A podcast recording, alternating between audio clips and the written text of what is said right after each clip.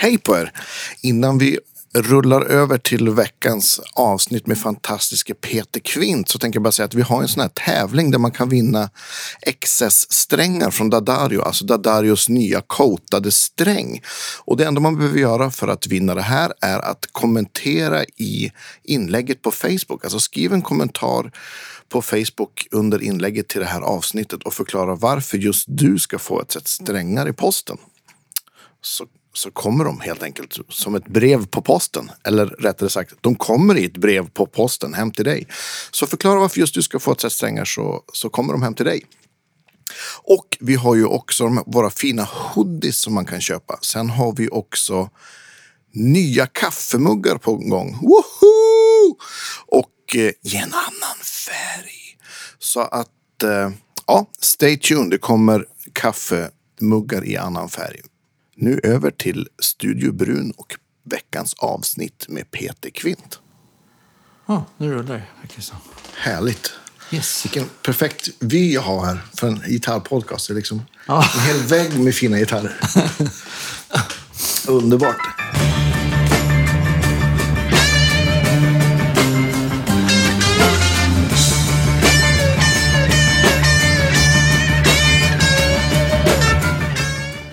Vi ska, eh, innan vi drar igång här ska jag tacka alla våra Patreons och eh, kaffe och kaffemuggsköpare. Stort tack för att ni supportar oss. Nu över till dagens gäst, Peter Kvint. Välkommen till Guitar Geeks podcast. Tack så mycket, tack så mycket. Mycket trevligt att, att, att vara här, för vi är ju faktiskt på plats i, i din studio Ja, idag. precis. Studio Brun här. precis. Studio Brun. Hjärtligt välkomna. Mycket trevligt att ni kom hit. Ja, tack så mycket. Och för, för, för om det skulle vara så att det är någon som lyssnar som inte vet vem Peter är så har ni garanterat hört någon låt som Peter har varit inblandad i på radio. Det tror jag, inte, det tror jag har varit svårt att undvika. Om man, Ja, såvida har- man, om man inte har lyssnat på radio kanske. Jag har lyckats kontaminera etervågorna nu i, i ja, 30 år eller något sånt där. Så. Svårt att undgå. Ja, ja, men det är bra. Jag tänker så här, vi är ju, vi, det är ju fortfarande lite så här, eller förhoppningsvis på slutet på en pandemi, men jag tänker, du som jobbar som producent och låtskrivare, har du påverkats någonting av, av den här pandemin? Eller har det varit ungefär som vanligt? Nej, det har varit eh, nästan precis som vanligt, skulle jag säga. Det kanske säger mer om min vanliga tillvaro än någonting annat. Jag vet inte. Men, eh, ja, men i, när pandemin slog till då i mars förra året, då blev det nästan som att eh, ja, det var mer tryck än vanligt för att alla som skulle eh, åka och turnera då kom och ville skriva istället. Ja, men Skriva såklart. Ja. Och sen eh, i höstas då, då märktes det väl en viss avmattning för att folk började förstå att det här skulle bli långvarigt. Liksom, och då vi började, började skjutas på releaser och såna grejer. Men, eh, men äh, det, jag skulle säga att det har varit som, som vanligt för mig. Och jag har ju sällan stora sällskap i studion heller. Utan det är, jag skriver ju med en eller två till, liksom nästan max. Så Det, har, det har funkat jättebra. Jag, ska, jag är otroligt lyckligt, lyckligt lottad om man jämför med många i musikbranschen tror jag. Ja, för de kollegor som jag har som, som bara spelar live har det varit katastrof såklart. Ja, liksom. precis. Exakt. Ja, det är sorgligt. Men du, du, du är ju både producent och låtskrivare. Ser du dig som både och eller känner du att du är, att du att du är lite mer av, nå- av något? Nej, alltså... Ja, jag är väl... från början är jag ju mest låtskrivare. Liksom. Så det är väl... Det är kanske det som ligger mig allra närmast om hjärtat. Men, eh, men sen har det ju blivit väldigt mycket produktion också. Och det är också väldigt roligt tycker jag. Men en, det är liksom en helt annan typ av verksamhet. Låtskriveri, det är mer, det är mer lek fortfarande för mig. Liksom, Skapande i produ- stunden. Och, Ja, precis. Medan produktion är mer, eh, kanske lite mer analytiskt. Liksom. Och sen har jag ju börjat mixa också. Det, det tycker jag är ännu mer analytiskt på något sätt. Det Ja, handlar ju bara om, det är nästan vetenskapligt liksom med Mm. frekvenser och, och transienter. Så, tidsödande. ja, tidsödande verkligen. Den här jävla basen. Ja, eller hur? Men också väldigt, väldigt kul. Ja, väldigt kul också. Också ett, ett sätt att vara ett till sätt att vara kreativ. Ja, precis. Exakt. Ja. Men var, var började liksom intresset för, för musik och, och låtar liksom, och låtskriv, låtskriveri? Liksom? Eh, det vaknade nog. Alltså, jag, jag, var ju så här, jag hade bra gehör, upptäckte de ganska tidigt. Och då satte de mig på fiol i kommunala musikskolan. Mm. Var var det här någonstans? Ja, det här var i Bromma, där jag ja. växte upp. Då, då. Och, sen, och vad var jag då? var ju blockflöjt först och sen fiol. Vad är man då? Man kanske är sju eller åtta kanske. Ja. ja. Och då hamnade jag med en ungersk fiollärare som han, han var väldigt så bestämd på att man skulle börjat tidigare. Första, den här stackars tjejen som jag gick med och jag, han höll så brandtal för oss att ni, ni börjar alldeles för sent här i Sverige. Jag hade min första violinkonsert när jag var sju år gammal. Åh oh shit, det är redan för sent. Så jag gick hem och sa till mamma att jag vill inte spela fiol. Ja, och sen satte de... Vilken antipepp! Ja, verkligen. och sen satte de mig på cello, men jag tyckte inte det var speciellt roligt heller. Nej. Även om jag gillade Sweet. Då, ja. och Sweet Fanny Adams hade ju cello. Så här, Andy Scott spelade cello. Eh, men då spelade jag ett år, sen ville jag sluta helt. För jag tyckte det var jättetråkigt. Men då sa celloläraren till, till mamma, så här, ja, men, köp, en, köp en gitarr till honom. Det brukar jag fästa på. Så mm. Och då kände mamma Eric Bibb, faktiskt, ah. eh, gitarristen. Och han hjälpte oss att välja ut en fin, eh, fin nylonsträngad gitarr. Och så visade han mig så här. Ja, det där var coolt tyckte jag. Ja. sen var det kört. Sen var det kört, precis. Och sen, eh, men sen tog det faktiskt... Ja, det var, jag, jag tror jag var i tioårsåldern när det fäste på rejält. För då började jag lyssna mycket på musik ja. också. Liksom. Det är klart, jag, hade, jag gillade Elvis och Carole King och Beatles ganska mm. tidigt. Men sen, sen upptäckte jag Genesis i tioårsåldern och då tog jag ut eh, Horizons, heter det väl, mm. det här eh, akustiska gitarrstycket på uh, Foxtrot, eh, den plattan. Mm. och då Eh, och, så, och, då gick jag till min gitarrlärare och sa kolla jag har plockat ut det där. Mm, bra, fortsätt sådär, tyckte ja. han. Liksom. Och sen började jag plocka ut massor med grejer. Så upptäckte jag Pink Floyd och började planka David Gilmour, solon och Jimi Hendrix. Och... Men då du plankade så här, hade du, visste du vad ackorden hette? Sådär, eller hade ja, liksom... det, jag, hade, jag gick ju liksom på gitarr... Ja, tog gitarrlektioner i kommunala musikskolan ja. samtidigt. Så att jag, jag fick ju musikteorin parallellt. Liksom, ja. sådär. Ja, förlåt, jag avbröt. Och så sen, ah, det ja, så Gilmore. Ja, David Gilmore. Eh... Men hade du, när, när började du... Jag misstänker att det var jag menar, akustisk gitarr då först som, som Eric hjälpte till att köpa. Ja, precis. Exakt. När blev det elgitarr då?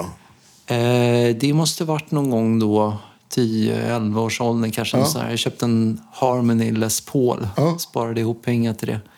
Och sen... Uh, eh, upptäckte jag att den kanske inte var så bra. Det var så laminerad kropp. Liksom. Ja. Man såg att det var, ja, det var inte någon solid kropp överhuvudtaget. Liksom. och då, så andra gitarren jag köpte var nog en Washburn, en Explorer tror jag. Ja, tufft. Eh, och den hade jag ganska länge tills jag blev ja, kanske ja, 16-17 års åldern eller något sånt där. Och sen köpte jag en Ibanez, en Steve Lukather. Med, ja, just det. Med, med något så konstigt svaj, va? Hade de, va? Eller kom ja, precis. fel? Fast jag bytte ut det mot en sån här... Vad heter det? Floyd Rose. Ja, just det. Såklart. och så hade jag EMG-mickar. Liksom. Man, man, man, eh, jag misstänker att det här är någonstans mitten 80 då. Oh, måste verkligen. Ja. ja. precis. Ja, exakt. Ja. Men, men, hade du, hade du någon, någon först, vad var första förstärkaren då? Kommer du ihåg det? Oj, det var nog faktiskt en Pivi... Vad heter de? Bandit kanske? Bandit, precis. Ja. Exakt. Eh, det hade jag med mitt första band, kommer jag ihåg. Ja. Eh, Freud Frick. Ja. med bröderna von der Burg faktiskt. Som Jaha, okay. senare blev eh, prominenta musikproducenter och låtskrivare. Jobbat mycket med September där med, och Stackabo också. Ja, visst. Men, men, men eh, Lukather, Ibanez och, och Floyd Rose, var du, var du inne på liksom på ja, men den tidens gitarrer? Ja, men uppenbart, du hade Ja. en, en Lukather. Absolut, ja. Men jag, det, var, det var lite senare då. Kanske var mer på gymnasiet. eh, Ja, oh, vad ska jag säga, 17, ja, 16, 17, 18 års åldern som jag upptäckte ja, dels liksom Mike Stern och ja älskade Miles Davis. Liksom, så när den kom, We Want Ja, Miles-plattan, visst. så att jag satt och plankade varje solo där. Liksom, och så. Jean-Pierre. Ja, precis. Och även eh, faktiskt eh, Gino Vanelli han eh, Carlos Rio. Ja, just det, ja. Så nu plankar jag jättemycket. Och sen även eh, Almiola, John McLaughlin, Paco Mm. Lucia. Så här. Vi, vi spelade på avslutningen i tvåan i gymnasiet tror jag. Det var jag och Ludde Widegren. Vi spelade Mediterranean Sundance. Ja, vad coolt. Ja. Så jag tror att eh, det, det var ju roligt att kunna spela fort och liksom teknik och sådär. Liksom. Var gick du gymnasiet då? eh, jag gick eh, först Brommagymnasium, då, Ja. naturvetenskaplig linje. Och sen efter gymnasiet så började jag på kulturvetarlinjen på universitetet. Men så kom lumpen emellan. Ja. Så jag gjorde vapenfri tjänst ute på Arlanda då, på brand och räddningsskolan. Jag skulle bli brandman, men de upptäckte att jag inte hade något körkort. Okej. Fast jag hade sagt att jag hade det. Så jag körde brandbil så i två månader. Det var ju jättekul tyckte jag. Och så plötsligt var det, "Mm, P- Kvint, du har inget körkort. Nej, äsch då. Men Får man inte det här? men då, då, då satte de mig på liksom, utbildningen där på brand och räddningsskolan. Så jag skulle göra administration och bokföring och sånt där. Och det var ju skittråkigt. Men då var det jag och en annan kille som satt där. Och vi, han spelade jättemycket också. Eh, Göran Flod heter han. Ja! Han är ju skitduktig Ja. Göran är fantastisk. Göran har varit med i, i, i podden också. Ja, okej, vad kul. Ja. Hej Göran. Hej Göran! och då satt vi, då riggade vi upp i källaren där och satt och spelade där nere. Liksom. Ja, vad- Smet ja, vad ner så vi fick en stund över. Och då, så han sa, ja men ska, ska du inte söka till eh, trean på eh, musiklinjen då? För då kan man söka till eh, in på musik högre specialkurs. Jag vet inte om man kan det fortfarande. Men, Nej, ingen eh, aning. Men, eh, så jag hoppade, hoppade in där på trean på musiklinjen och det var ju det var mitt eh, roligaste sko, skolår ever. Med, Men, men gick du med, med Göran Flod då också? Eller? Nej, Han, hade, han hade liksom gått färdigt Han hade oh, klart, ja just det. Men, eh, men det var ju mycket annat roligt folk som, som gick där. Det var samtidigt som Peter Asplund och Ja. Texas och... Eh, vad var det mer? Stina Nordenstam hängde mycket med. Och eh, ja, massor med annat roligt folk. Jag träffade en annan gitarrist som heter Ulf, Ulf Karlsson. Han heter Ulf Eliasson nu då. Men han la av och spelade senare. Men vi, han kom från Södertälje och drog med mig till Södertälje. Eh, och vi bildade ett coverband där som åkte runt och spelade ganska mycket så blues-covers. Liksom. Va, vad är vi på för år nu, typ? Det här är då, nu är vi framme vid 80, ja 86, 87 gick jag på Södra Latin då. Just det. Så att, ehm, och det här, vi började, jag började spela jättemycket i Södertälje med start ja, 87 då. Och då var vi husband på Folkets hus i Södertälje Ja. så här, flera år i rad. Och eh, de hade en underhållning som hette Fredagshornet där. Och då eh, var vi, då sjöng eh, Göran Wiklund, eh, Ja, som är grym sångare. Han sjöng med oss och eh, ja, och det var som en skola liksom. Man lärde sig allt om framförallt 60-tals soul s- Ja. Stax och även Philly Soul. Och liksom, det var, Mm. Vi fick spela så otroligt mycket, många låtar och kompa många av artisterna också. Ja, kul. Det var en superbra skola. Ja, men visst. Var, var, var det fortfarande Lukather-gitarr då, eller var det... Eh, det blev väl mer och mer... mm, Ja, men, man kollar in alla stilar så här. Ja. Med hur, ja, från Stax och, och framåt, typ så här. och, eh, och... Ja, det var, då, då var det mer brett liksom. Ja. Sådär. Och jag skulle säga att jag det, nu... Jag försöker bara klara av att spela det som, som ska vara på inspelningen. Det är, min, det är mitt mål nu för tiden. Liksom. Ja. Men då och då så får jag så här... eh, då, då börjar jag tycka att det blir, börjar få dåliga chops. Så då, då övar jag. Nu, nu för två år sedan då hade jag ganska så intensiv planka Django Reinhardt-solen och så. Ah, bara för att få upp, eh, ja, Chopsen, få upp liksom. chopsen igen. Ja. Precis. Ja, men det, det är ju, ju mer teknik man har, ju mer måste man väl öva för att uppehålla den. Ja, men det är ju så. Precis. Det är som jag sitter och tittar på din pedal steel här. Jag är en sån, det är också en sån där... Jag spelar alldeles för sällan, så att jag har liksom det... Jag har, har två, tre dagars innan jag är i kapp. Ja. Liksom. Om någon ringer och vill att jag ska spela stil så Ja, får man liksom säga, öva upp tills man, Ja, man kommer tillbaks. Ja. Så, ja. Jag köpte ju, jag har aldrig, aldrig orkat lära mig på riktigt. Liksom. Men jag, jag köpte den i, i London. Jag var där och turnerade med Sofie Selmani Ja. och Lasse Halepi. Och så, eh, I slutet av resan då, då skulle vi spela i London och då, eh, då upptäckte jag den här på Denmark Street och så släpade jag hem den. Den är ju tung som ett as. Liksom. släpade jag hem den till Sverige och så typ dagen efter jag kommit hem då ringer eh, Lasse Halepi så här, du, skulle du kunna ta ett jobb med är Ja, visst. Ja, det är så att Andreas Jonsson, han, eh, han skulle ut och, han ska ut och eh, göra promotionspelningar för sin eh, första soloskiva som Johan Lindström då hade. Ja. Så jag ska liksom sitta och planka Johans eh, så här pedalstil-grejer. No pressure. No pressure. Vi ska börja repa en, en vecka senare. Så. Och Jag bara, ja visst, jag kan ta det. Så här. Så, Ja. Dum som man var. Liksom. Men, så jag lärde mig med nöd och näppe där. Men det, fick ju, det det goda med sig att jag och Andreas eh, fick kontakter. Då. Så att något halvår senare så ringde han mig och sa att jag har lite nya låtar, skulle du vilja lyssna på dem? Så här. Och så, den första låten han spelade upp var faktiskt Glorious. Ja, shit. För att då- det gås ju där. Det är, Ja, precis. Och- det är en och- hyfsat bra poplåt kan man Hyfsat säga. bra poplåt.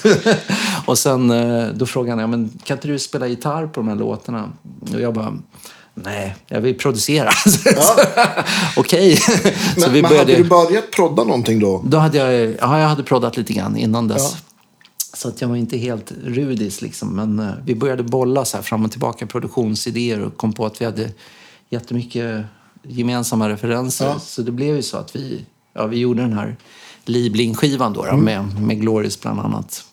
Så att, eh, att jag köpte den här pedalstilen och, och inte riktigt kan spela på den, det förde ju det goda med sig. Att lyckades, lyckades ro hem det Ja. produktionsjobbet. Ja. Ja, ja, men, ja, men det, är- det är lustigt här, hur alla såna här vägar kan, Verkligen. kan gå. Liksom. Ja. Men, men, men vad fick dig att börja så här, producera? Var det, köpte du Porta Studio? Och liksom, var det för att spela in egna låtar? Eller? Ja, det var ju...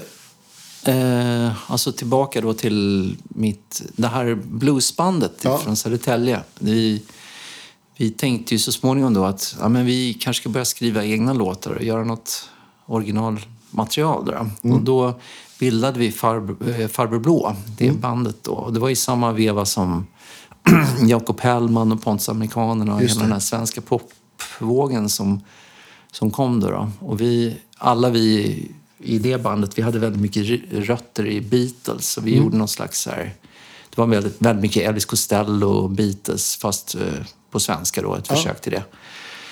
Och, eh, och då producerade vi våra egna demos i replokalen i Södertälje och skivbolaget de tyckte väl att ja, men det, det låter så pass bra så vi kan nog släppa in er i studio utan producent. Liksom. Så, här. så vi fick sex veckor i Park Studios då i Yeah. Älvsjö. Med catering har du öppnat debutskiva. det var andra tider kan man Det säga. var andra tider kan man verkligen säga. och, eh, och lyckades producera den här skivan i alla fall. Liksom. Med hjälp av eh, eh, Hoffe Stanno då också, Kristoffer Stanno som nu mera gör jättefina masteringar på Precis. Kosmos. Kosmos. Eh, Finns, finns den som man kan lyssna på den? Ja, visst, absolut. Ja. Ja. Ja. F- finns den digitalt också? Den finns kan... digitalt. Den Ja, ligger, kul. på, ligger på Spotify. Ja. Farbror Blå. Den första skivan heter Utan filter. Och... Ja. ja, men det ska vi, ska vi länka till. Ja. Och om det är så eh, att, att du har någon sån Spotify-lista med saker som du har gjort. Du har gjort så himla mycket. Så Jag får- har faktiskt en Spotify-lista. Jag brukar ju eh, brukar föreläsa lite då och då, så det, det finns en jag kan skicka Toppen. sen. Ja, men då, bra, det ska vi ju dela såklart. Ja.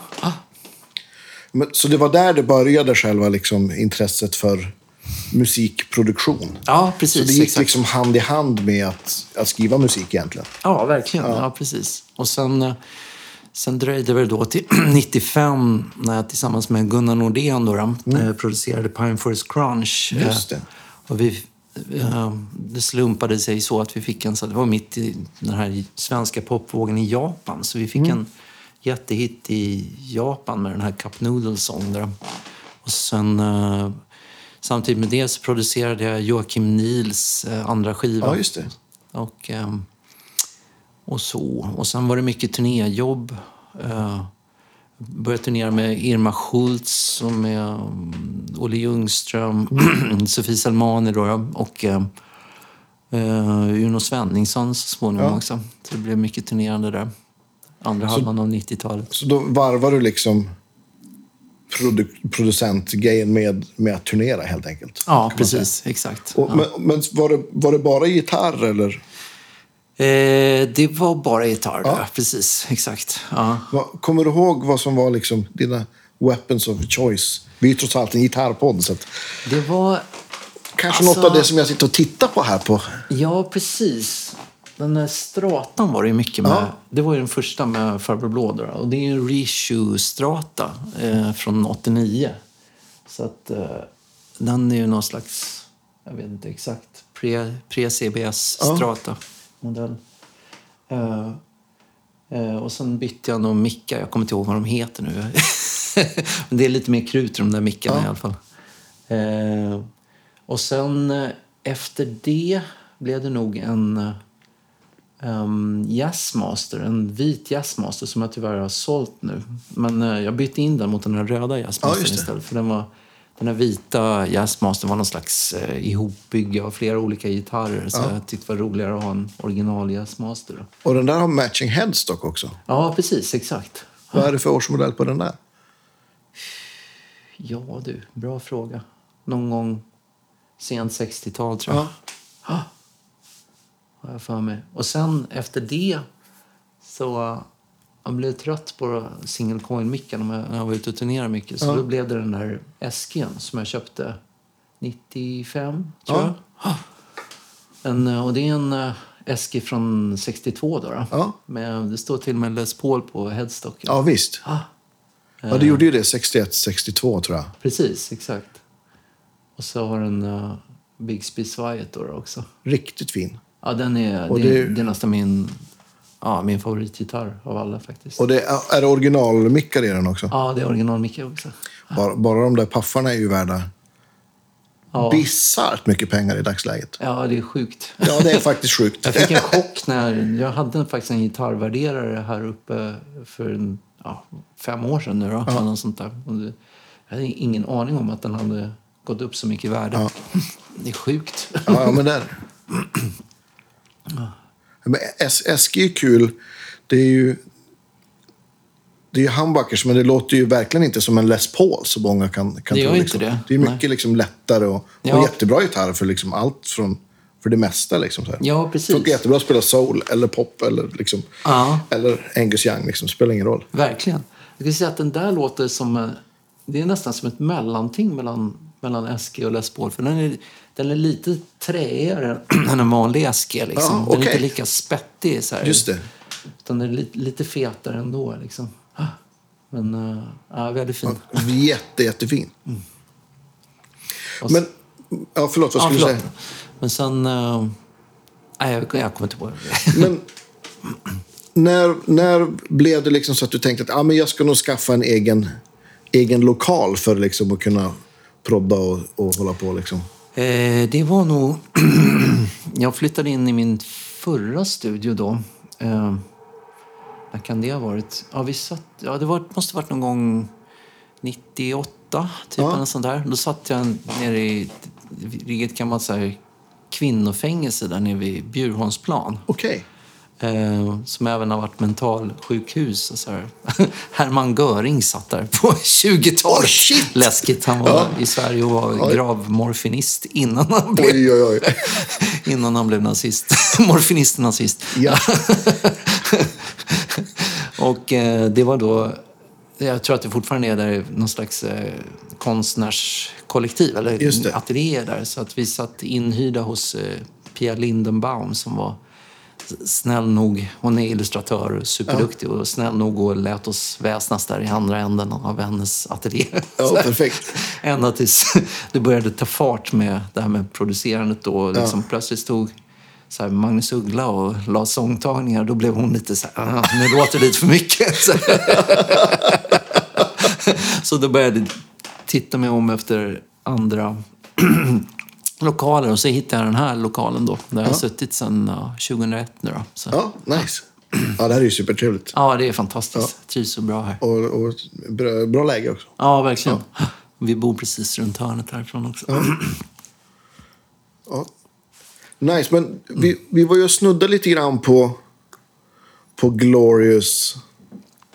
Var du med oss sen och spelade live också med, Ja. med Andreas då? Precis, jag var med...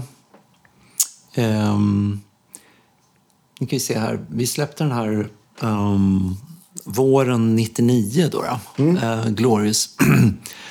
Och då, mm, från början så hände det inte mycket alls faktiskt. Vi var ute på en turné som heter ZTV Rockar tillsammans med ehm, ett band som heter, om jag kan komma ihåg, de heter Third, Third Dimension, heter de det? Eller?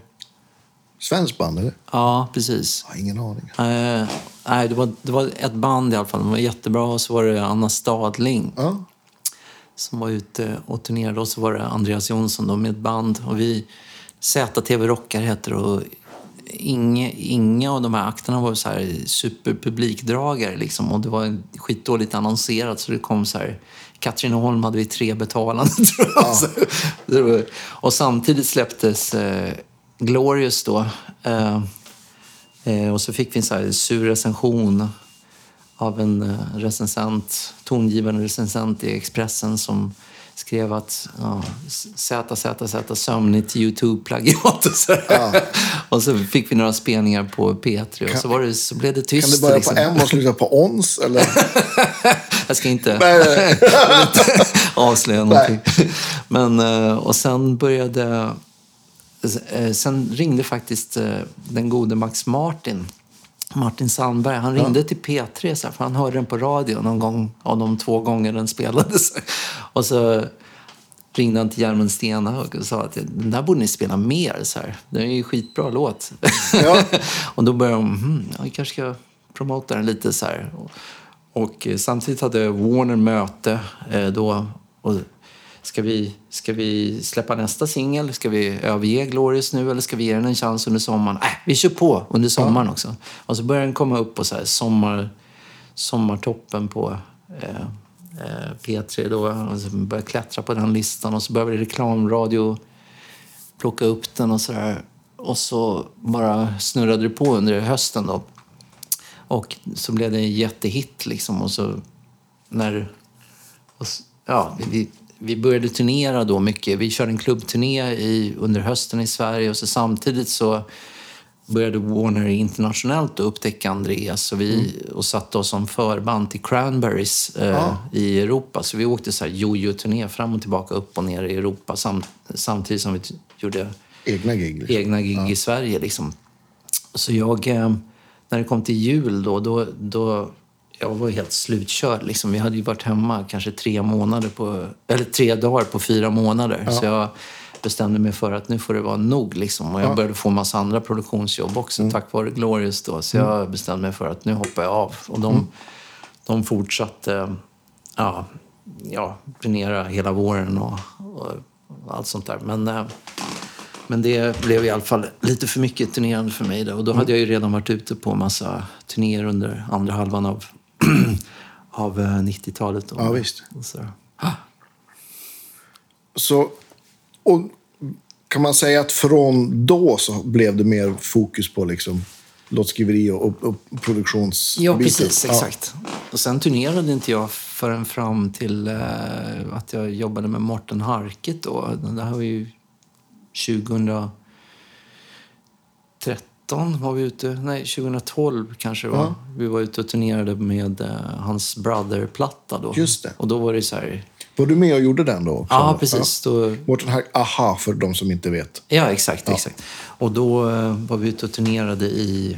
Det var ju fantastiskt. Jag skulle vara kapellmästare för Lyxbandet, liksom, Ja. bestående av, av eh, Per Lindvall och Lasse Danielsson och, Ja. och, och, och Christer Karlsson. Liksom. Så att Ja. jag behövde inte göra någonting. Så jag bara koncentrera mig på att spela rätt. Så här. Eh, och det var ju, ja, vi gjorde tio spelningar runt om i Europa då. Så Ja. Det var en fantastiskt fin turné. När var det? Så 2014? 2000, 2014? jag, jag tror att den släpptes... Ja, jag, är osäker. Antingen var det... Men skrev ni den plattan ihop då eller? Vi skrev den plattan ihop, ja, Ja. precis. Vi hade börjat jobba på plattan innan som hette Out of My Hands. Mm. Och då, I slutfasen av den skivan då, så lärde jag känna Morten och vi började skriva låtar ihop. Så jag hade jag inte, tre låtar på den skivan eller något sånt där. Plus att jag hjälpte till att mixa och, och, och eh, producera lite annat på den skivan också. Mm.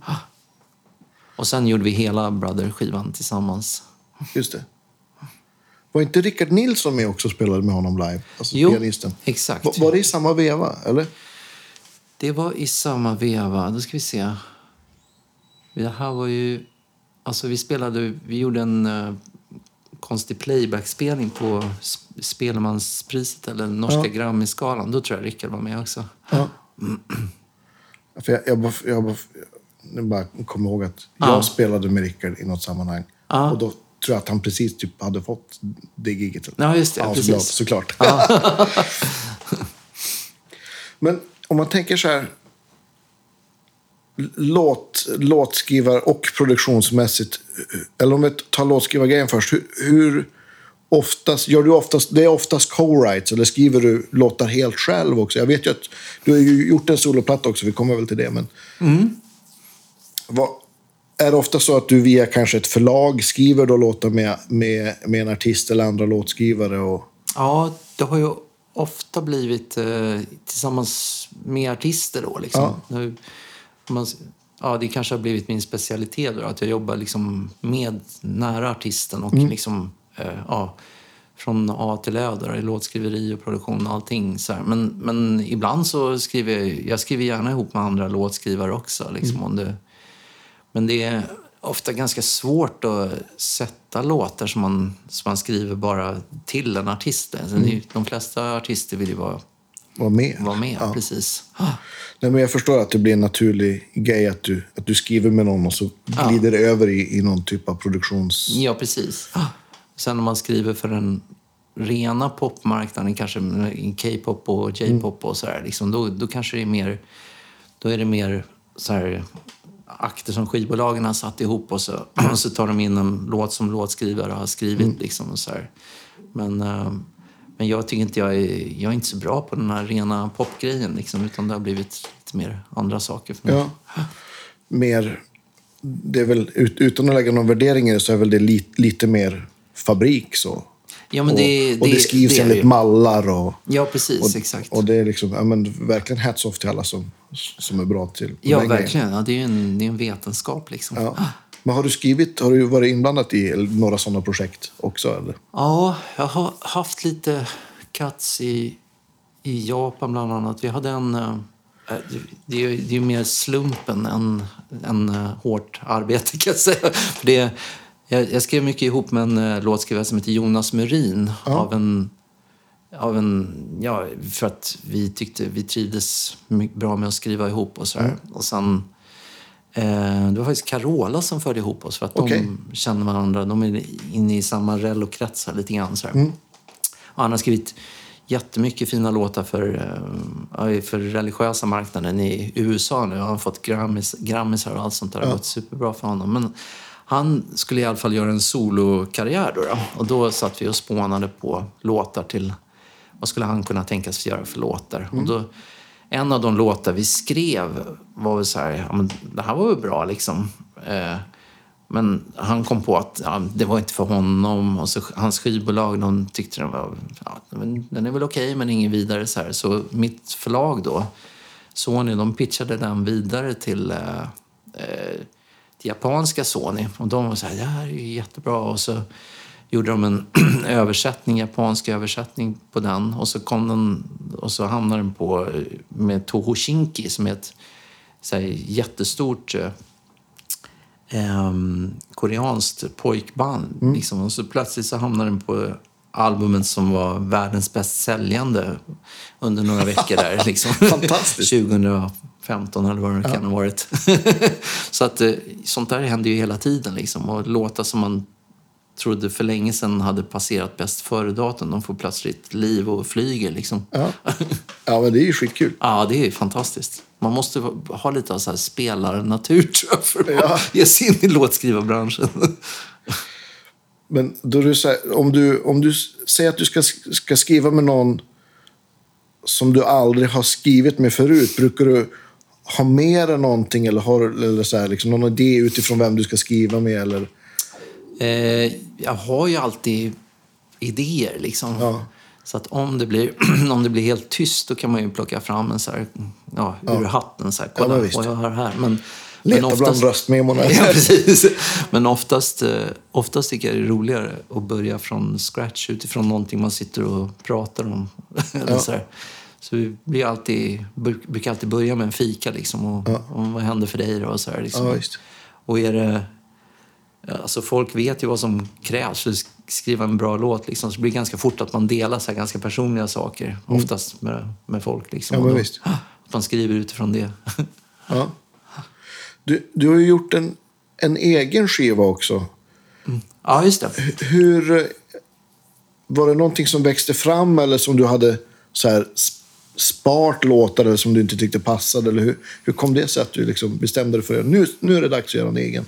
Ja, faktum är att jag hade ju, alltså, efter Farbror Blå då, och, och Mellon mitt andra band också, ja. då, då, hade jag ju mer eller mindre lagt eh, artisttankarna på hyllan och, och, tyckte det var ganska skönt faktiskt också. Eh, bara fokusera på låtskriveri och produktion. Mm. Men det blev ändå så att jag satt och samlade låtar. Eh, eh, och sen när det... Som var du liksom? Som var jag, ja. precis. Och sen men sen började jag...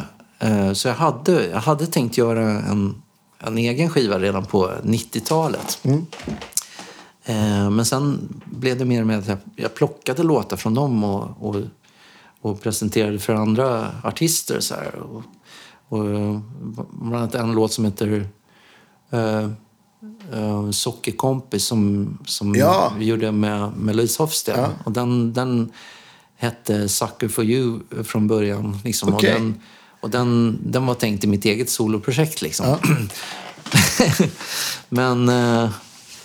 Eh, så att, och, och, någonstans så gnagde väl det där i mig att jag aldrig hade gjort en egen skiva. Liksom. Mm. Um, så att den, den tanken, ja, vad ska jag säga, den tog väl form någon gång redan 2015 att jag skulle samla låtar till till en egen skiva. Ja. Och sen fyllde min eh, fru, hon fyllde fem, 50 då. då. Uh, alltså, när var detta? 2016. Eh, ja. Och då skrev jag en låt som blev liksom, det här blev, det blev startskottet till min ja. solo, solo En, en hyllningslåt till henne? En hyllningslåt till henne, Seasons in You. Och den eh, gjorde jag sen med full produktion och liksom, eh, ja, så här, fullt blås på hennes eh, kuppa du gjorde på hennes kalas utan ah, att säga någonting. Hon, hon blev väldigt tacksam för det. Ja. Det gick hem kan jag säga. Ja. Vi är fortfarande gifta. Ja, bra. eh, och, eh, och sen var det väl en del andra gamla låtar. Bland annat en låt som jag skrev till eh, Elias Modig, känner du? Ja. Hans eh, bror gick ju tyvärr bort i tsunamin. Mm. När var detta då? 2011? Nej, så dåligt på ja, årtal. Mm. Samma här. Oftast är det längre sedan än vad man tror. Ja, ja precis. Ja. Exakt. Men då, och då gjorde jag en låt till honom och den åkte in på, på skivan också. Mm. Ehm, så det har varit så här, låtar som har varit lite för personliga kan man säga. Ja, men visst. Eh, för att ge bort till någon annan. Eller som, ja, som bara, bara jag kan sjunga liksom. och då stoppade jag ihop dem till en skiva. Det var, ju, det var ju väldigt roligt att göra den, tycker jag. Vart, jag förstår att du spelar in mycket här, men du, la du grunder för liksom bas och trummor någon annanstans? Eller? Eh, jag spelade in liksom demos här och sen var jag hos eh, herr Dahlbäck, Andreas Dahlbäck och la, la trummor. Och Han, så, som, han som spelar också? ja, precis. Och sen eh, var Sven Andersson här och la sax och så bollade jag lite filer med en um, kille som heter Tim Lauer i Nashville. Ja. Nashville. Och han, eh, han la piano. Vi bytte lite tjänster. Så här. Jag gjorde, gjorde lite gitarrpålägg åt honom och grejer. Så här. Programmering. Eh, och så. Så att, eh, ja. Ja. Eh, ja, men det, det var väldigt roligt. Du, du har ju... du- har ju vi sitter ju i... du har ju två, två rum. I ditt andra rum där så har du ett gitarrbås också. Med, Ja. med, jag tänkte, vi, kan, vi kan väl prata om lite grann som, om förstärkarna som står där. Och Ja, vad som är ditt go-to-set för att spela in, in Ja. Mm. Vad, vad brukar det börja med? Liksom? Förmodligen att du väljer en gitarr som det ska vara. Liksom en... Ja, precis. Och ofta är det ju, om man sitter och ska göra en snabb bakgrund till en demo eller något sånt Ja. där. Då blir det att man tar det som står närmast. Och det som står närmast där inne i den här, det är den eh, blonda telen. Liksom. Ja. Från eh, ja, början på 70-talet är det väl, tror jag. Eh, och sen blir det den här Fender Vibro Bourbon som står där. Eh, och så pedalbordet då. då. Ja. Och det, har du, har du, har du något, någon setup som alltid är inkopplad sådär? Så, så att det är bara att jacka in en... Ja, Liksom, det, det är typ det. ja. och, och vad sitter på det bordet då? Vi kanske kan ta en bild till och med. Ja, vi kan ta en bild. Ja, precis. Det är en Morley-vavva. och Sen är det en Dynakomp Ja. eh, MXR. Och så är det, ja, precis. Och så är det en Ibanez eh, Tube, vad heter Tube? Screamer Tube kanske? Screamer, ja, precis. Ehm, och så är det en, eh, vad heter den, Supersonic Fuscan. Ja, det är en väldigt tuff pedal. Ja, den är ja. cool tycker jag. Eh, och så är det en eh, Electric Mistress. Ja. Också klassiker. Ja, och ehm, vad är det mer? Nu har jag någon Ibanez uh, Facer, här 70-tals Facer som är inkopplad också. Den, den blå med en ratt. Eller? Mm, nej, det är två, Det två är rattar två. Ja, just det. Ja, men då vet jag precis. Just det. Och sen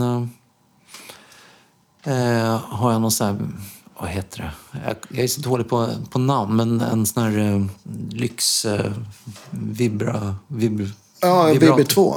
Vad sa du? Boss VB2 kanske. Nej, det är en sån här Nej, stor... en Roger Mayer är det då. Roger Mayer, Ja, precis, just det. exakt, precis. ja. Univibe och vibrato liksom. Ja, exakt. Ja, precis. eh, den heter... Ja, nu tappar jag också det. Men precis, det är den, den stora svarta Roger Mm. Den stora Mayer. svarta, exakt. precis. Ja. exakt.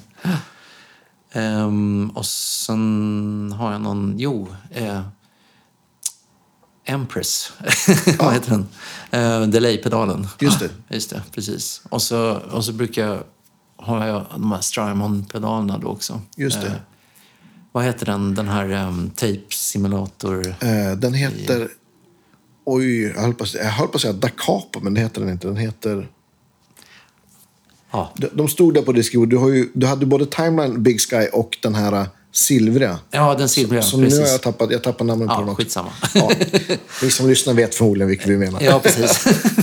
Och, vad, vad använder du den för då, den, den, den silvriga? Är det mer för liksom släp-grejen eller?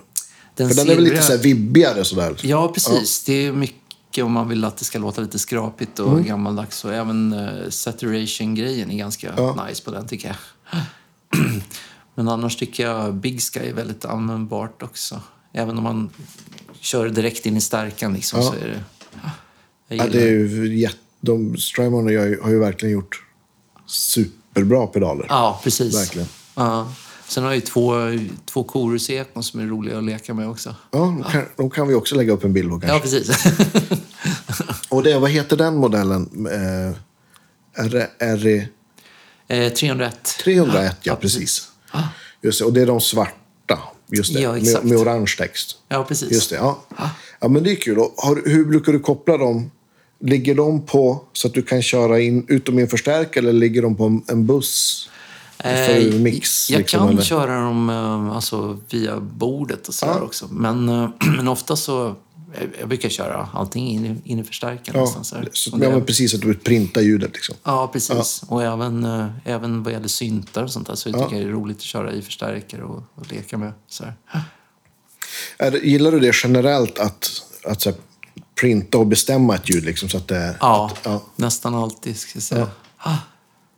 Ibland, eh, ibland är det kul med så här, att linea gitarren och köra gitarriggen. Ja, Ja, bara för att se vad som händer. Ja. har några så här go-to presets där som brukar vara väldigt fina. Ja. Faktiskt. Så är det, är det, har du gjort några utifrån ja, med vissa? Har du utgått från någon speciell förstärkare då? Eller? Eh, nej, det är lite olika. Ja. Ah, Men det händer att du får saker som du ska mixa eller någon har spelat in och folk skickar en line? Eh, nej, Nej. ganska sällan faktiskt. Ja, det, det, det brukar vara få, i alla fall gitarrister som törs göra så. Ja, just det. Exakt. Jag tycker det är jätteläskigt. ja. Man spelar ju så mycket som du vet. Liksom, så man spelar ju liksom ljudet på något vis. Precis, verkligen. Så är det ju. Och särskilt om man har, om man har liksom, ja, men, ja, men något, något fint sånt tape-eko eller någonting som ligger så blir det ju... Ja, Det är ju det, man spelar ju helt annorlunda än om, om någon skulle lägga på det sen. Det, blir, det, är, det är en helt annan, ja precis. annan, annan värld. Liksom. Ja. Ah. Hur, hur, n- när, när vet du, hur vet du att du är klar med något? Förutom att tiden tar slut. Eh, ja, men...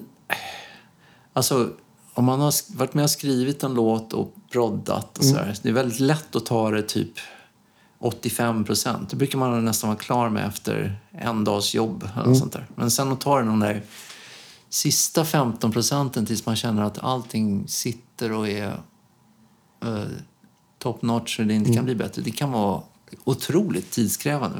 Säga. Jag kan spe- spendera en vecka på, bara på de där sista 15 procenten. Detaljerna liksom. Vad sa du? Detaljerna. Ja, detaljerna, precis. Och bara få det att skina och liksom och sitta och dra i sångfraseringar och så här, så att det, så att det blir tredimensionellt och snyggt och liksom så här.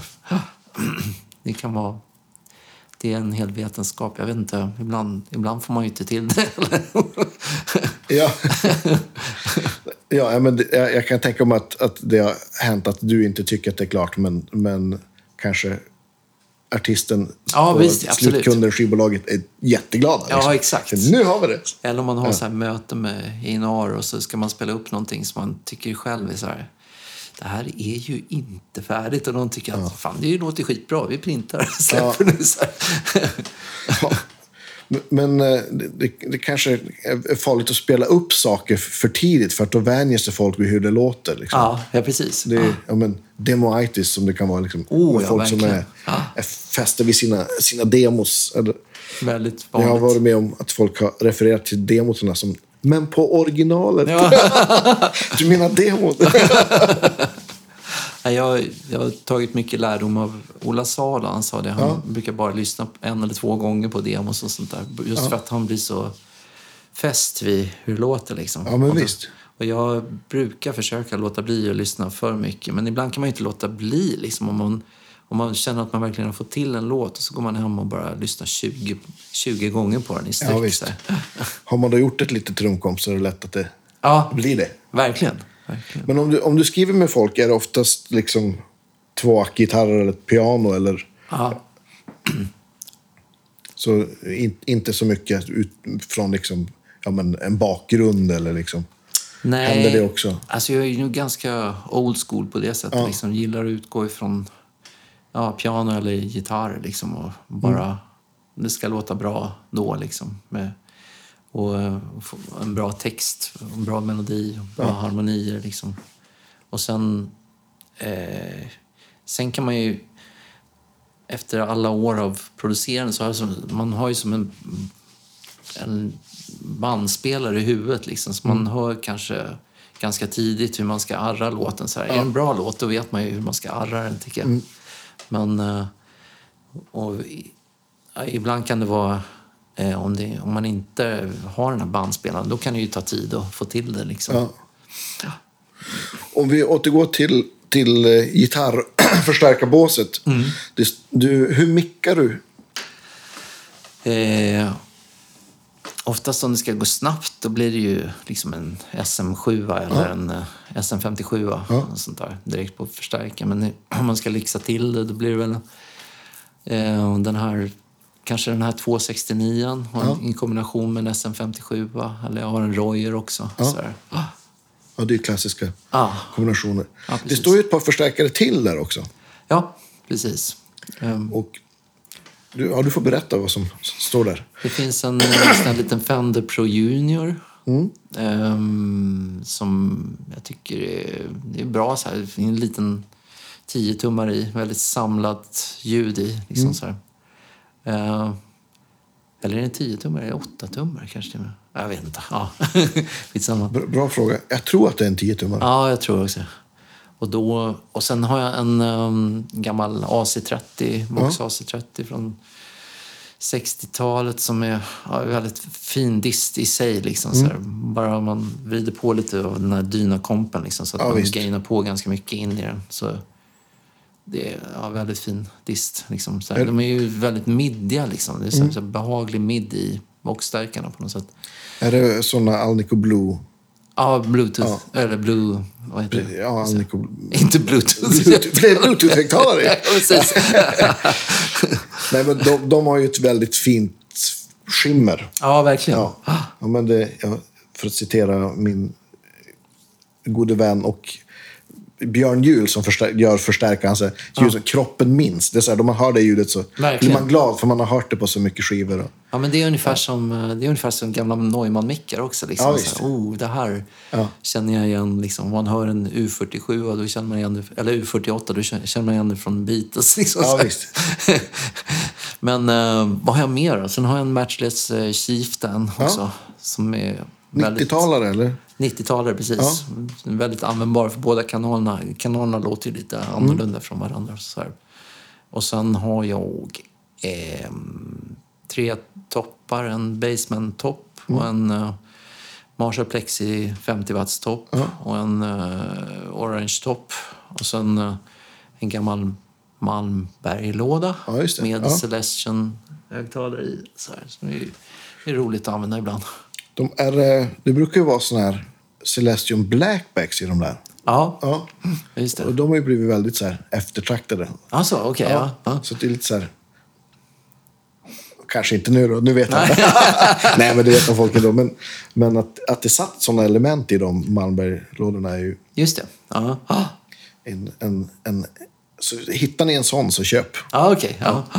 Ja, är, Dagens tips. Jag har haft den i evighet. Jag har haft den sedan början på 90-talet. Eller sånt Ja. Tänkte, och sen när jag fick den här studion tänkte jag det var kul att släppa hit den. Liksom. Ja, visst. Den, den låter ju extremt bra tycker jag. Ja, visst. Du, du har ju liksom hela Guitarig fast i Ja, förstärkare. lyxigt. Ja, ja, det är bra.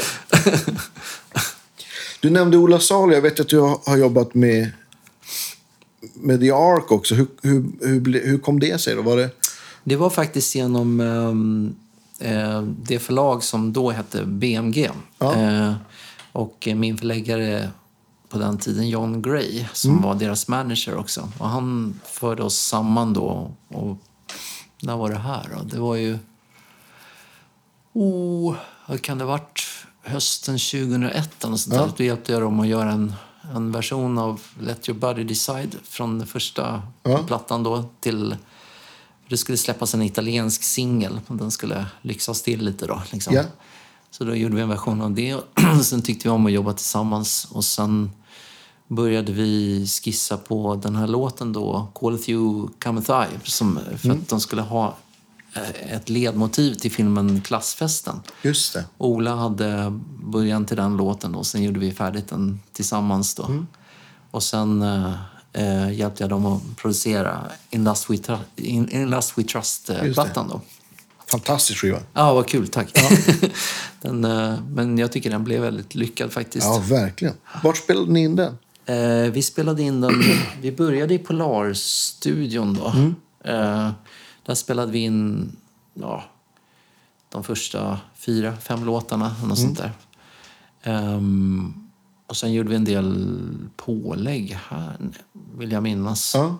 Men det var lite bråttom med den Call it you come with så den gjorde vi färdigt först. Då. Just det. Och sen jobbade vi lite här och sen jobbade vi på Gotland, i Visby, i Sandkvie det. Studios då, hos Micke Leander.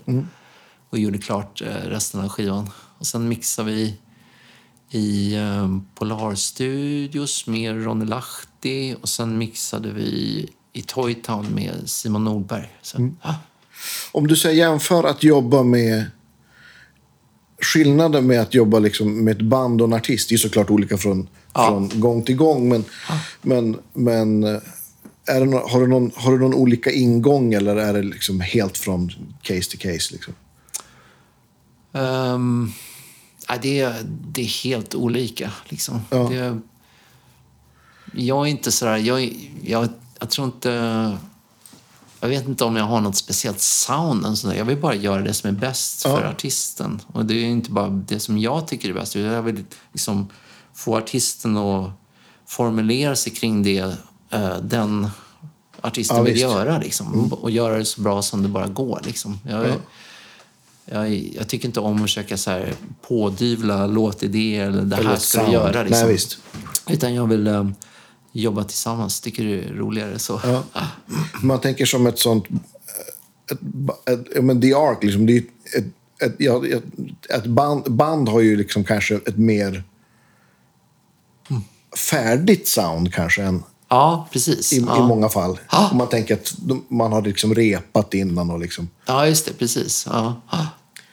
Har, hur, hur, har du någonsin känt att du liksom så här får... Inte, för att inte trampa folk på fötterna och komma, Ja. komma med idéer och input och liksom...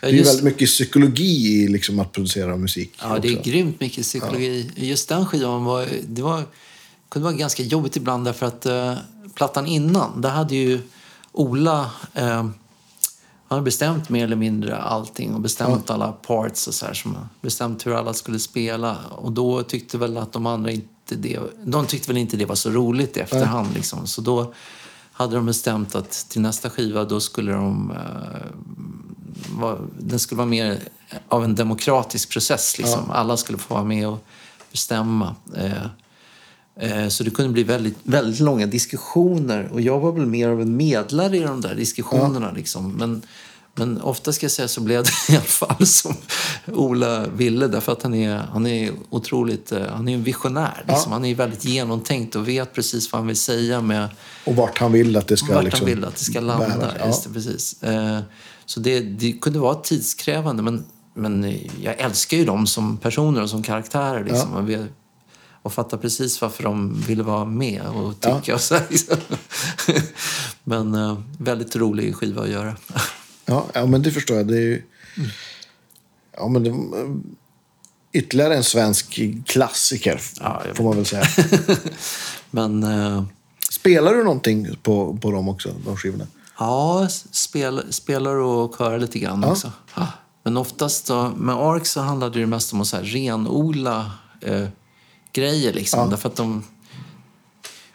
Om man ska vara hårdrare så det skulle vara lite så här serietidningsband. Liksom. med- Här står Jeppson och spelar den gitarrgrejen. Och här står Martin och spelar den gitarrgrejen. Och så här går trummorna. Och så, Alla parts måste vara så här renodlade, tydliga. ja, liksom. Så att, eh, och det handlade ju mycket om att arra. Liksom då, liksom, och hur, ska, hur ska gi- gitarrerna gå liksom, för att matcha varandra så bra som möjligt? Så här. Eh, väldigt roligt. Ja, Lite så här, som jag tänker mig att Rick Rubin jobbar. Liksom, att det ska Ja, vara det. Så här, tydligt och ja men visst. att det ska låta väldigt bra. Liksom. Så när man väl går in i studio och spelar in det, då ska det, vara, då ska det bara vara att sätta det. Liksom. Hit- Hitta bra tagningar liksom. ja, precis. Var det, är det, är det, kommer du ihåg om det var klick på den plattan eller om det var... Ehm, ja, vi hade klick på allting tror jag faktiskt. Ja.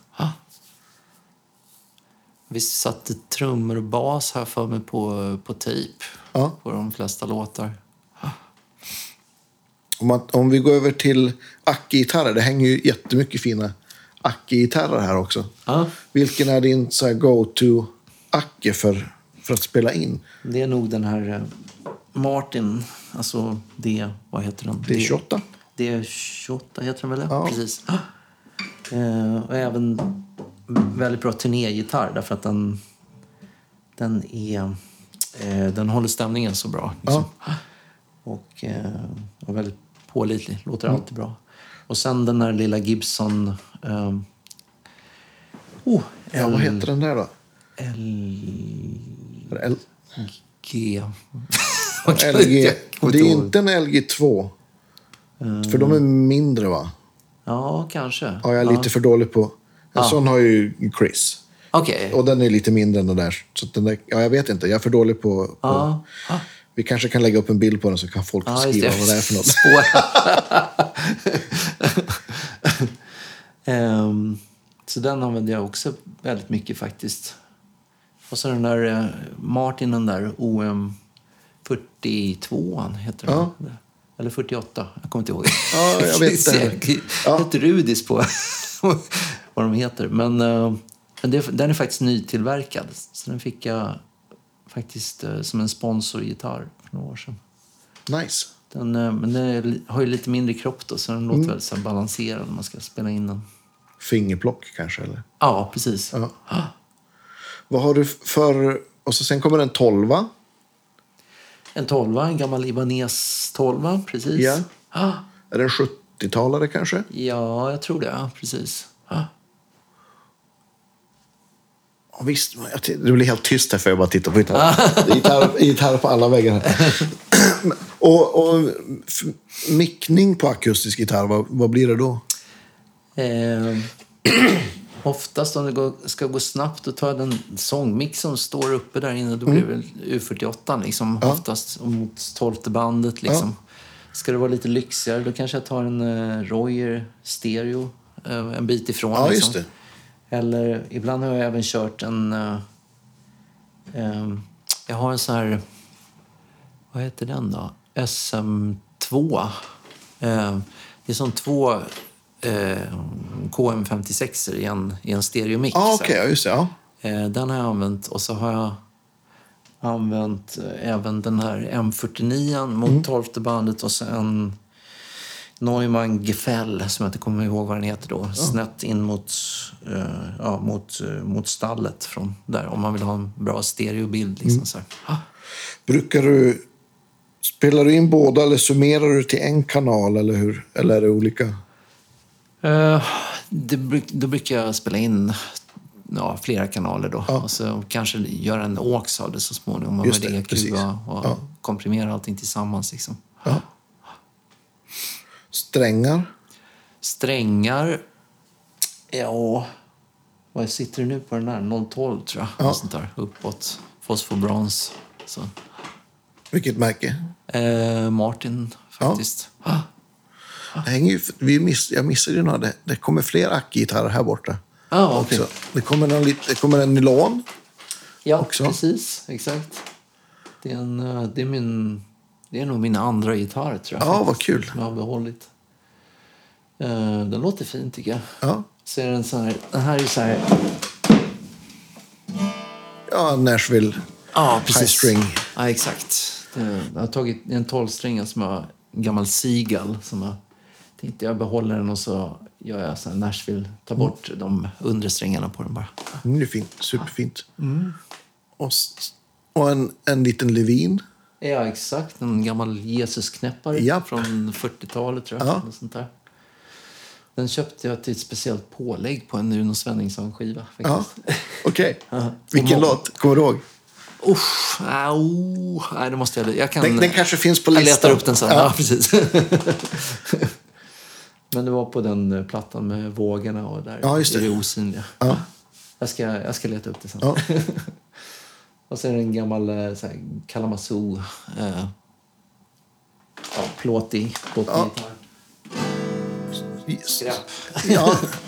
ja, men eh, de där ljuden är alltid roliga för att spela in för att göra layers liksom. Precis, verkligen. Och sen är det en, en Levin bandlös gitarr faktiskt. Ah, titta, det är det där. Jag satt och funderade på vad... Jag tror aldrig jag sett någon sån där. Nej, den, eh, jag, jag bara köpte den på impuls. Eh, Ja. Gick in i en musikaffär i Kalmar och så hängde den där. Den där måste jag ha. tänkte. Och den var bandlös då? Och den var bandlös, Okej. ja, precis. Det är en, den är ju fantastisk för slide och sånt där Ja, framförallt. Liksom.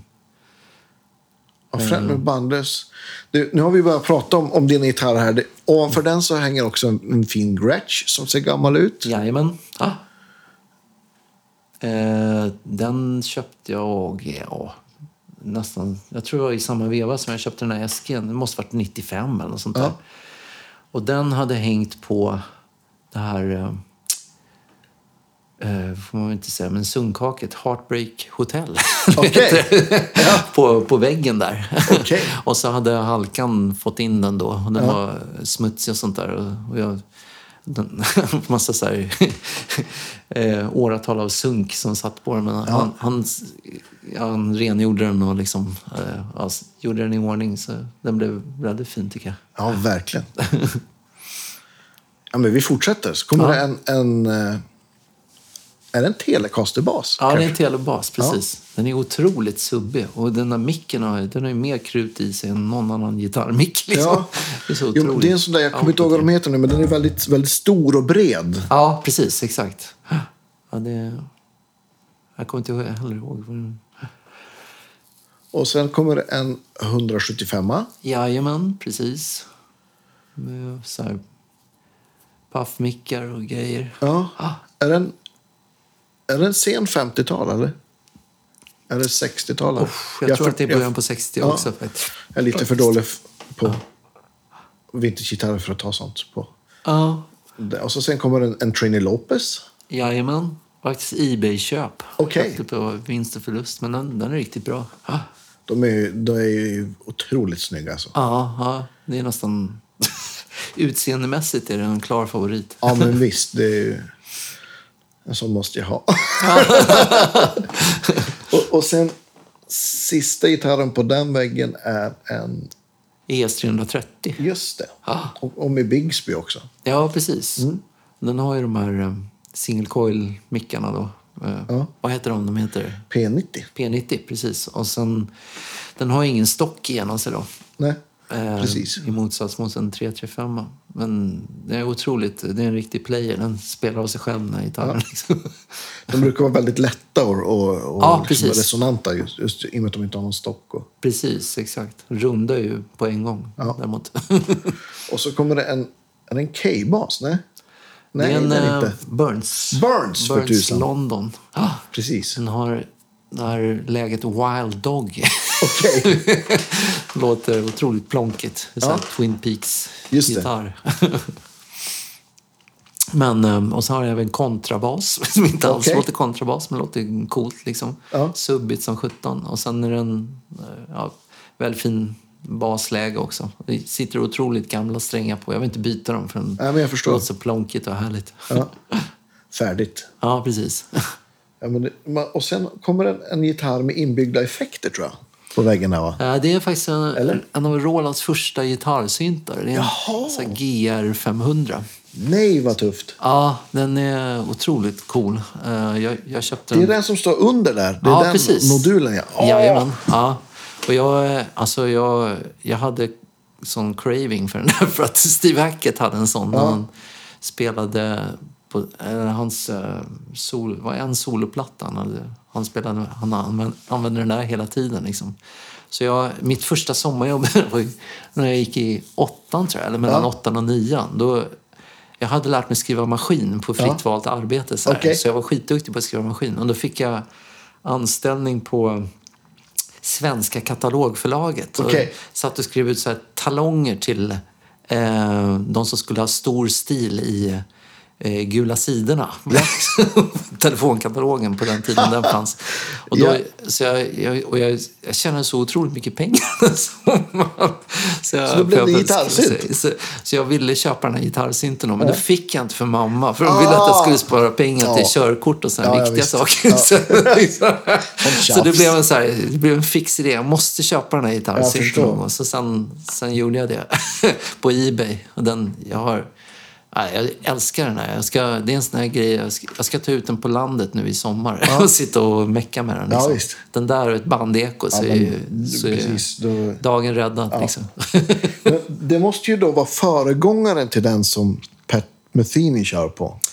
Just det, precis. Den hette GR 300, va? Eller? Exakt. Ja, just det. Precis. Ja, det där var en lite tidigare modell. Det där är ju pre-midi och allting. Ja, precis. Och, och då snackar vi sjut, sjut, mitten 70, eller? Mitten 70, precis. Jag tror det. Det kom ju några gitarrsyntar då. Den där var bland de första. Och så kom Hagström gjorde faktiskt en också. Eh, Jaha, det visste jag inte. jag kommer ihåg att min, min uh, halvbror och jag vi åkte ut till Hagströms orkesterterminal i Solna Ja. bara för att kolla på den här gitarrsynten. Då. Och det, det, var ju så här, det var ju inbyggda sensorer i banden, liksom, så att man behövde inte ens använda högerhanden. Okej. Liksom. Eh, Just det. mycket märklig skapelse, den där Hagström gitarrsynten. Jag har faktiskt letat efter en sån, men jag har inte Jag, hittat jag någon. har inte ens sett någon sån. Jag, jag tänker på den här... uh, Alan Holdsworth spelade ju på något sånt Ja, instrument som också var... Alltså, som man tryckte, det var precis så. Det triggade var på, det. Ja. på där man tryckte med vänsterhanden. just det. Undrar om de fick det därifrån. Ja, Eller- just det, eller, precis. eller det är kanske ingen superunik idé. Men Ja, just det. här måste, om, om det är någon som lyssnar på det här som, som har en sån Hagström gitarrsyn, kan inte höra av er? Det vore kul att, att få se en bild och höra hur den låter. Verkligen, verkligen. Ah. Vad roligt. Det, det Men eh, den, den har ju fantastiska grejer, alltså den här gitarrsynten. Den har ju en eh, metallplatta, det är det som sitter överst där, som Ja. är som en Ebo då, fast för alla sex strängarna. Så man kan få Ah. infinite sustain. Och det är ju användbart inte bara om man använder synten, utan även som gitarreffekt. Ja, liksom, visst. Och, och sen har du ju eh, polyensemble då. Det är liksom olika delar då. Det är Ja. som en stråkmaskin, eller man ska säga. Det ska föreställa en stråkmaskin. och sen har den en basdel då på, i synten som man Ja. kan välja om det ska gälla för eh, sträng 4, 5 eller 6 Just eller alla tre. Liksom. Ja. Och sen har den en uh, lead-syntdel också. Då, liksom. Man kan routa polyensemble-delen in i lead-syntdelens filter och använda telefon. Och, det finns massor med roligt Oj, oj, oj. Jag blir helt till mig. Ja. Du måste nästan prova den sen. Ja, jättegärna. jättegärna. Ja, vad fränt. Ja. Ja, men hänger, hänger fina instrument på. Här har vi det är någon Fender El12 här ser vi också va? Ja, precis. Det är, den, är, den är helt grym. Den har jag använt jättemycket, den här Fender 12. Ja. Gillar du den bättre än, än Rick eh, 12 Uh, jag har aldrig hittat någon bra 12 faktiskt. Nej, vad konstigt att du säger det. Tom, Tom Petty-modellen är... Ja, ja, precis. Men, nej, men Tom Pet, eller säga, Peter Moréns, eh, Exakt. den är väldigt fin tycker jag. Låter ju grymt bra. Och det, nej, men de, de är coola de där Fender 12. Ja, verkligen. Om man vill ha en, en nytillverkad så gör faktiskt, eh, eller inte faktiskt, Dusenberg gör en jättebra el, Jaha, el okej. Mm. Och vad har vi mer här? Det är en, en Hagström. En Hagström, precis. Och till höger om den är det en, är en En. Nej. Framus. eh, de gjorde de där någon gång på 90-talet. Jag fick spons på Framus-gitarrer. Jag hade en jättebra akustisk eh, Framus med cutaway. Just det. Som tyvärr blev stulen från baksätet på en bil. Men, eh, men den där är ganska cool faktiskt också. Med Seymour Duncan-mickar och sådär. Ja. Och sen en, någon, vad heter de? Den sista jag sitter Eh, och det är en eh, här. national så här, eh, Airplane. Ja, jag kommer inte ihåg vad modellen heter. Men Ja. jag köpte den, det är faktiskt det senaste jag köpte. Jag köpte den här om året nere från Hellstone. Så kunde inte låta bli därför Ja. den är så knasig. Den har den här piezo-micken också. Ja, som man kan kombinera med olika, ja, med de andra mickarna. Liksom. Går att få låta hur som helst. Ja. Och så med den där Hagströmmen, den är, den är, det är en skitbra, alltså Super Sweden. Ja. Jag. jag älskar den här gitarren. Det var faktiskt en Magnus Uggla-skiva som vi... Jag hade här dogma, nu ska jag inte använda tusen gitarrer, nu ska jag bara använda en gitarr. Så då Okej. använder vi den rakt igenom. ja, vad roligt. Vilken platta är det då?